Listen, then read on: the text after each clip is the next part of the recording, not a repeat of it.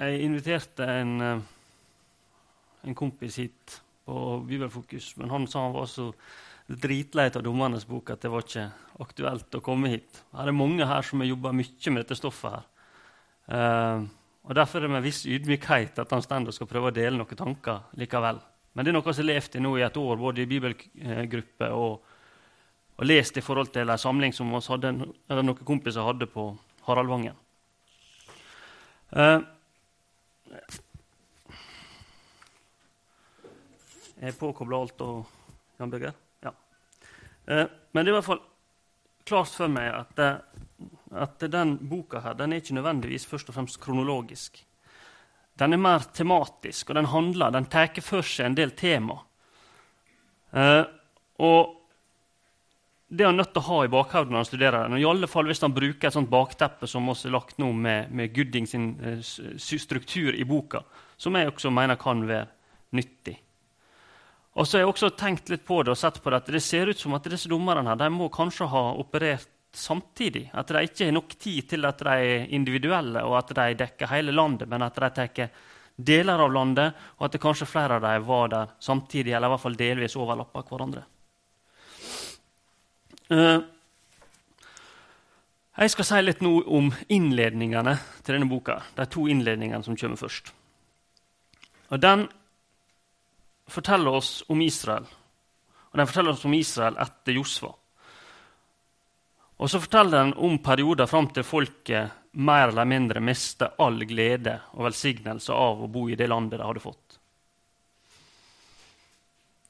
Og Det å se i denne boka her, og ser etterkommerne til den generasjonen som levde i lag med Josfa Det var et folk som kjempa og sloss for å innta den arven som Gud hadde lovt dem. Først har de blitt mirakuløst ført ut av Egypt. De har opplevd det store å bli utfritt fra landet Egypt, fra slaveriet. De har gått gjennom Rødehavet før de feiler stort når de skal utforske det landet som Gud faktisk har lova dem. De stender på grensa og skal innta det. Og så blir de så redde for de store folka som bor der. Bortsett fra de to store heltene Caleb og Josua. Og Caleb han dukka opp et par ganger i Dommernes bok. Og Jeg kommer til å si litt mer om Caleb senere. For han er i mine øyne en av de virkelig store heltene. For han var en skikkelig kar. Han var en som tok tak i ting. Han var ikke redd for eh, fiendene. Han stolte på Guds løfte. Og han var en mann som på tross av høy alder eh, som jeg begynner å kjenne på sjøl Du begynner å bli gammel, men det spiller ikke noen rolle, for fremdeles ville han kjempe. Og Det må være oppmuntrende for oss. Han var ikke interessert i bare å legge seg opp under første oliventreet i skuggen og nyte frukten i landet, men han ville ta de tyngste kampene for å utvide og glede seg i den arven som Gud hadde gitt ham. Og så syns jeg dette her kan være veldig inspirerende og det kan være veldig utfordrende. Men så har det en sånn bakside som er litt vanskelig, syns jeg. Og det er at det kan fort høres ut som sånn strevekristendom. At vi snakker om alt oss skal gjøre. Og Det er jeg redd for at det høres ut som det jeg kommer til å si i dag. Og det er ikke det det er meint som.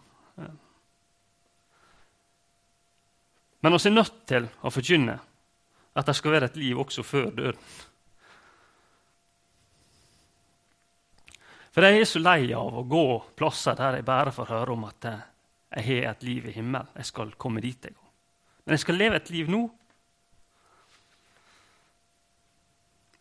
som Gud har gitt meg for at jeg skal forvalte det. Han har gitt meg gaver, og han har gitt meg ressurser.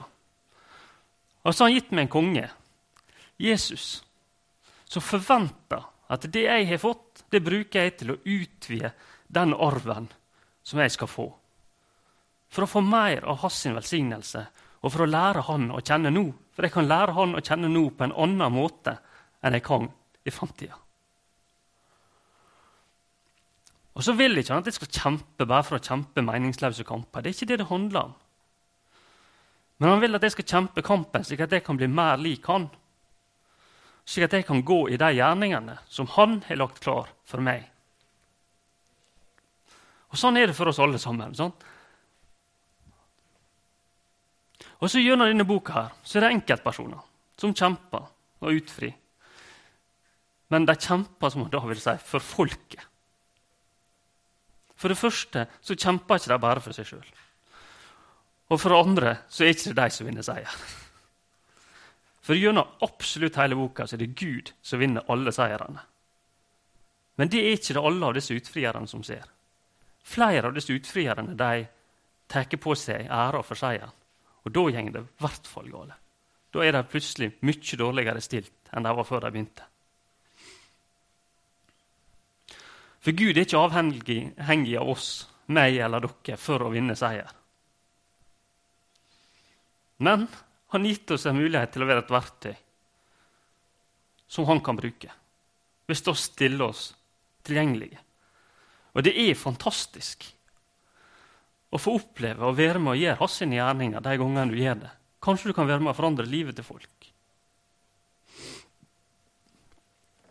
Dette folket her, når vi begynner å lese i Dommernes bok, nei, Josefs bok Dommernes bok, nå, eh, Det er folk som i hvert fall er delvis prega av å være modige. Og de er trofaste. Men ganske fort ser vi en situasjon der den aller første gløden ved å ha kommet inn i landet, gleda ved å komme inn i landet, den er vekke. Og hva som skjer? For meg så ser det faktisk ut som at de blir litt late. Og Josfa tar det med dem også et par ganger. For de gjør ikke ferdig den jobben de er kalt til. De har fått nok. De har, de har det de trenger. For Gud har kalt et helt folk ut av slaveri og gitt dem løfte om et land som flyter av melk og honning, på den andre sida av ørkenen. Også på veien dit så møter de en del prøvelser, og stort sett feiler de. Og så blir de nekta adgang. Men så når de først kommer inn, så stopper de bare plutselig opp. Og de som starter disse kampene her, i lag med Josfa, de som får se at Jordan deler seg Jeg tenker på det, De som, de som løfter steinene ut av Jordan og så røyser de opp på andre sida. De som kjenner på disse fysiske tingene. Det er da et folk som er utrolig sterkt prega av det de har opplevd. De har Guds sine store gjerninger. De har kjent det fysisk på kroppen. Ikke bare en teoretisk tilnærming til det, men de har liksom fysisk opplevelse av de store gjerningene som Gud har gjort. De har til og med sett skystøtter og ildstøtter. De har vært med og tatt Jeriko. Der de går opp imot denne befesta byen og så gjør egentlig folket ingenting. De gjenger bare rundt. Fordi Gud gir deg en instruks. Sånn skal dere gjøre det. Og så Uavhengig av hvordan det oppleves, eller hvor fornuftig det virker der og da, så trodde de at Gud, han som de har sett, han som delte elva, han som gikk framfor oss, han kunne gripe inn i historien og gjøre noe overnaturlig, slik at de vant seier. Og Dette er personlig for meg, men jeg har store vanskeligheter med sånne ting. Det å klare å tro at det er noe som er større enn det skapte, og som kan gripe inn og gjøre at oss kan vinne seier, og som ikke er avhengig av tid og rom, og som kan påvirke livet våre i dag. En som har skapt alt, og som ikke er en del av det han har skapt. Det er lett å snakke om Guds kjærlighet. De humanistiske verdiene til Jesus. Å vise folk til det Jesus sier om å elske hverandre. Snakke om en Jesus som ikke gjør forskjell på folk. Som løfter fram kvinner, barn, slaver. Det er ganske radikalt, egentlig, og det er lett å snakke om. Det er snakk om at alle har egenverdi. Men så kjenner jeg at når jeg sliter, i hvert fall, når jeg begynner å flakke med blikket Det er når jeg skal snakke om en Gud som griper inn og gjør mirakel, og som faktisk kan endre livet til folk. Og jeg tror at det er den guden vi ser litt av i Dommernes bok. En gud som kan helbrede sykdom. En Gud som jeg gjør liten fordi at jeg ikke snakker om alt. Jeg putter en Gud der jeg syns han passer.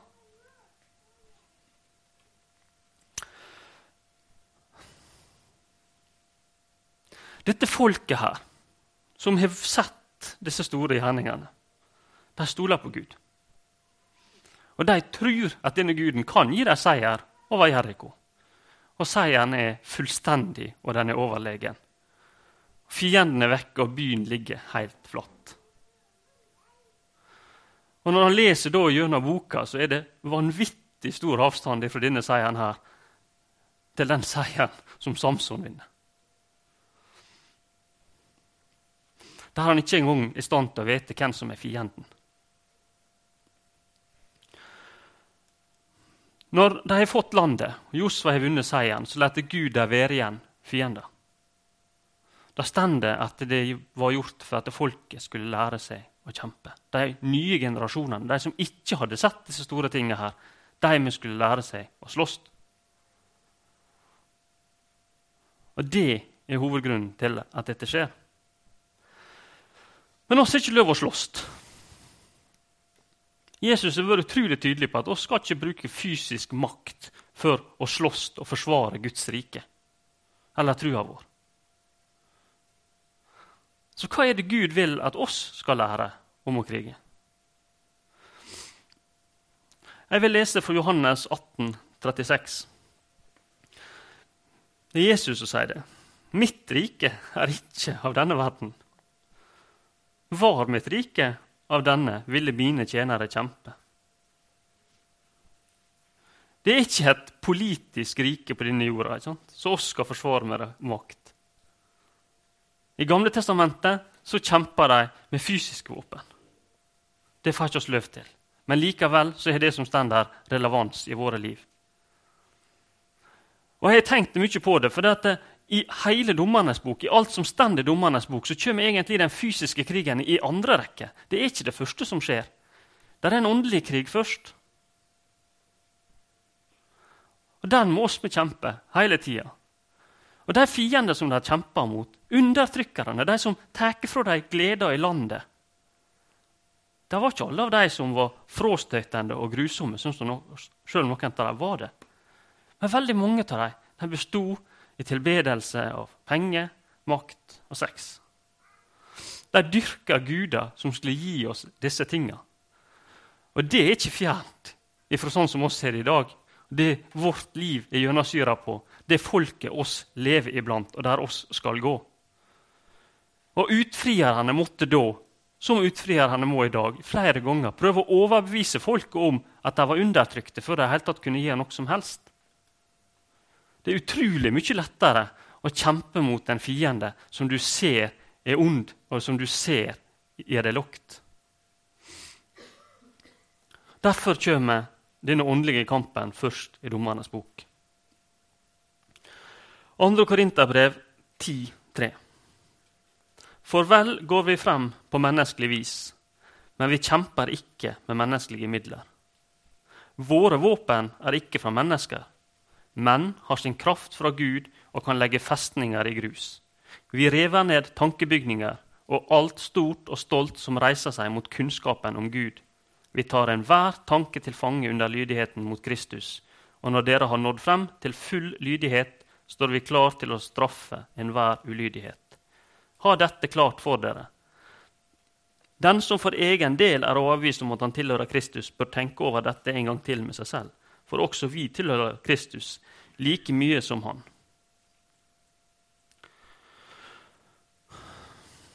Vi må kjempe. Og jeg tenkte at det er Mye av den kampen som oss står det er at oss står i en kamp mot en verden som er full av misforståelser av hva kristendommen og hva Gud er for noe. Vi må kjempe mot disse tankebygningene. Og så virker disse fiendene der så massive og så store men så har han gitt oss et løfte om at dette her nå gjør ikke dere alene. Dere får den krafta dere trenger. Og så er spørsmålet hvorfor skal vi gjøre det? Å, altså, for Gud har gitt israelsfolket en arv. Ikke sant? Han Josfa har knekt ryggrader på fiendene. De har fått landet. Hvorfor skal de da fortsette å kjempe? Og hvorfor skal vi da fortsette å kjempe? Og Det er for å glede oss i den arva nå. For oss er en arv i himmelen, og der er vi satt. Men oss må slåss imot våre fiender her.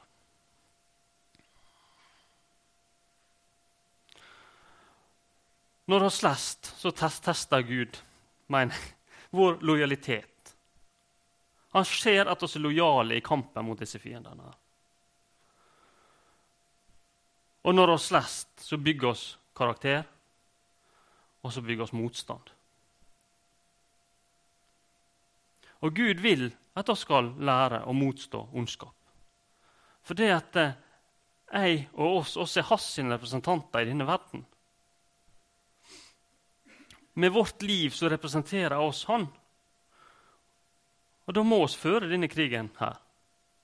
For det, de fiendene oss kjemper mot, til sjuende og sist, det er de tingene som vil suge Gud ut av livet vårt. Det er de som hindrer oss i å få det intime, nære forholdet til Gud. Men så blir det ofte sånn at livet blir komplisert. Og så vikler vi oss inn i et nettverk som er fryktelig vanskelig å komme seg ut av både som individ og som folk. Og Da er det godt å se at Gud røyser opp utfriere i historien. Det kan han fremdeles gjøre. Og han vil også gi folk krefter til å kjempe disse kampene og til å hjelpe hverandre for å komme ut av det. Og selv om det er veldig lett når vi leser om kamper, så er det lett å tenke på mine kamper. For jeg, så, han blir så sjølopptatt. Det er litt av verden i dag. Det kan alltid være sånn, men jeg merker at vi er så opptatt av oss sjøl. Men det er ikke bare det det handler om. Det handler om et helt folk. Og så skal vi stå i lag der, og så skal vi kjempe. Og Selv om vi har kommet inn i arven og vi har fått tilgivelse Gud tar imot sånne som oss sjøl med alle de feil og mangler vi har fått. Så kan hvile i dette. Av og til er det det vi trenger. Vi trenger å hvile i dette.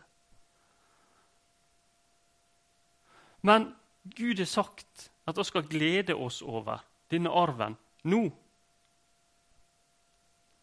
Og jeg tror at det skal oss det, så må oss kjempe krigen. Men det er ingenting med frelse å gjøre, men det har med å utvide den arven Gud har gitt oss. Og så ser jeg på livet mitt, og så ser jeg på livet til andre, og så ser jeg at det er fryktelig mye som prøver å ødelegge. De prøver å ødelegge gleda som jeg har. Ødelegge familien min eller få meg til å søke penger i stedet for Gud. Eller å gå på kompromiss med trua mi. Dette er våre kamper som oss må ta hver dag. Og så er det et bilde. Så er Dommernes bok full av bilder som kan vise oss og forstå hvem fienden er, og hvor kampen stender, og hvordan den skal kjempes.